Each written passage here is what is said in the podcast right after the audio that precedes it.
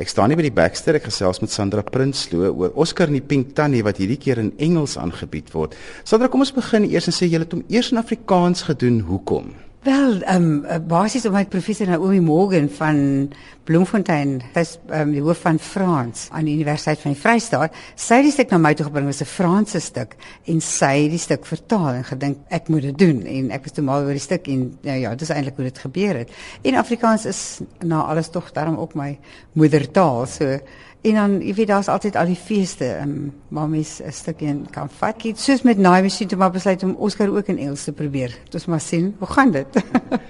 Vertel 'n bietjie vir ons van die storie want dit is 'n tragikomedie as ek dit reg gelees het. Dit is ja. Jy weet as jy vir iemand sê jy doen 'n toneelstuk oor 'n seentjie van 10 jaar oud wat kanker het, dan sê hulle, "O oh, nee, dis heeltemal te treurig, ek gaan nie daarna kyk nie." Maar daar is baie humor in want hy het die eerlikheid van 'n kind, jy weet, in 'n kind se siening. En dit gaan basies oor die seentjie wat kanker het en dan vind hy op 'n manier uit dat hy net 12 dae oor het om te lewe. En sy baie kwaad vir sy ouers dat hulle nie met hom kan praat daaroor nie. Maar hy word dan dan gaan oor die verhouding ook tussen hom en die Pink Tannie. Die Pink Tannie is nou die vrou die vrouens met die pink baadjies wat met die kinders kom speel by die hospitaal.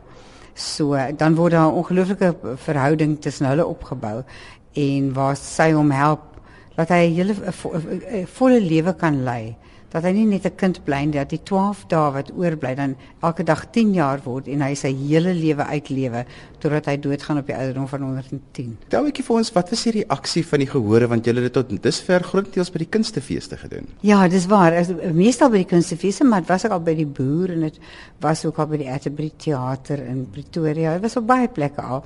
Die gehore is ongelooflik. Die ontvangs was fantasties geweest, ek moet jou sê. Ek dink dit is 'n storie wat regtig mense raak, jy weet, en mense laat dink ook want dit gaan ook oor hoe ons eerlik moet wees met kinders. En dit is nie 'n stuk vir kinders nie, dit is 'n stuk vir groot mense, net in geval mense dink omdat dit 'n 10-jarige seentjie is.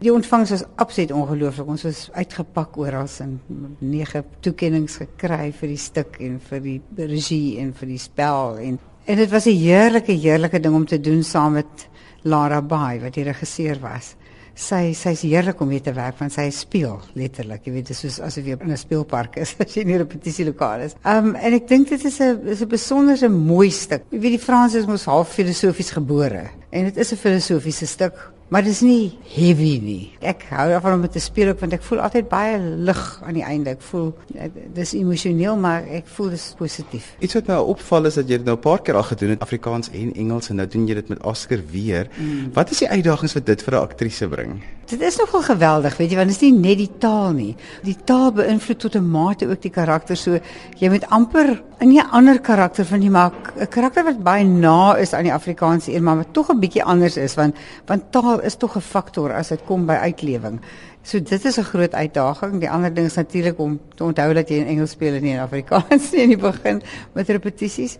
Maar maar dit is ook vir my lekker want ek speel die stuk nou al lank in Afrikaans. So dis 'n herondersoek amper van die stuk omdat ek dit nou in Engels moet doen. Dan 'n bietjie vir ons van die temas het nou al 'n bietjie daarna aangeraak, maar bietjie van die temas wat die stuk aanraak. Wel ek dink vir my is die hooftema in die stuk. Die seentjie skryf briewe aan God, maar hy weet nie eintlik wie God is nie en sy ouers glo nie in God nie en so maar en, en sy doen dit eintlik maar dat hy goed neerskryf dat hy nie so alleen moet voel nie. Dat hy sy gedagtes kan deel want dit is wel moeilik om te praat met sy ouers. Maar ek dink die sentrale filosofiese gedagte vir my in die stuk is dat 'n mens keuses het in die lewe en dat jy jou eie realiteit kan skep. En hy doen dit dan inderdaad deur elke dag 10 jaar te maak. Skep hy sy eie realiteit en lewe hy 'n lewe waarin hy verlief raak, waarin hy getroud raak, waarin hy verkeerde goed doen, waar hy voel hy word gestraf en waar hy dan uiteindelik ook doodgaan op die ouderdom van 110. Die proses wat 'n aktrise deurgaan wanneer jy 'n paar rolle op 'n verhoog vertolk. Vertel 'n bietjie vir ons daarvan. Gee vir so 'n klein kykie in in die bestaan en die skep van 'n paar karakters. Ja, dis nogal 'n snaakse storie veral in die begin want ek speel eintlik ek dink 9 karakters, ag 8 of 9, ek dink is 9 karakters in die stuk. Die twee hoofkarakters is Oscar en die Pink Tannie wat uh, ouma Rosa is. Maar in die begin, jy weet, 'n mens moet 'n ander liggaamstaal kry en dit soms is die verwisseling baie vinnig. Jy moet baie vinnig verwissel van een karakter want dit is 'n dialoog wat dit geskryf is. Maar wat vir my in die begin baie saaks was baie gelag in die repetisie lokaal want skielik dink jy, ooh, hoe moet my voete nou wees? Hoe moet my hande nou wees? Ek, dan moet jy nog dink wat jy moet sê en so dit is 'n baie moeilike en 'n 'n komieklike proses totdat jy dit genoeg geskaaf het dat jy nie hoef te dink daaraan nie sodat jy onmiddellik jy weet die ander karakter kan word. Vertel vir ons hoe kies jy jou stukke? Ag ek dink daar's baie faktore. Natuurlik die teks. Ek hou van 'n sterk teks. Ek hou van 'n teks wat 'n mens kan speel. Um en 'n karakter wat jy kan speel en dan die regisseur is my groot groot faktor ook. Ek ek hou daarvan om met goeie regisseurs te werk. Ek meen almal hou daarvan.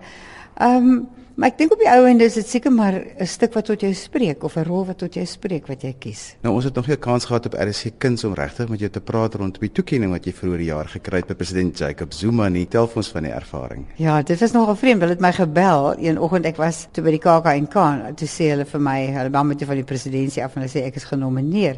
Toe ag, dis nou oulik maar ek gaan dit nooit nooit kry nie. En toe 'n paar dae later, was nie veel later nie. Seker so 5 dae later toe bel hulle my en hulle sê vir my maar jy het dit nou gekry. Toe dog ek o, gaan nou flou val want ek het dit werklik nie verwag nie. Ek meen dit is natuurlik 'n groot eer so so 'n ding en dit was 'n was eintlik 'n ongelooflike aangrypende dag, die dag toe hulle nou die vir my die orde van Ikamanga gee want daar was so 'n klomp mense wat toekenninge gekry het. Dit was aandoenlik want daar was baie ou mense ook wat gewone mense wat hulle deel gedoen het vir die gemeenskap of wat ook al jy weet wat daar aangekom het en outal was en vir hulle was dit die ongelooflikste ding wat ooit in die hele lewe met hulle kon gebeur. So dit was baie baie aangrypend geweest.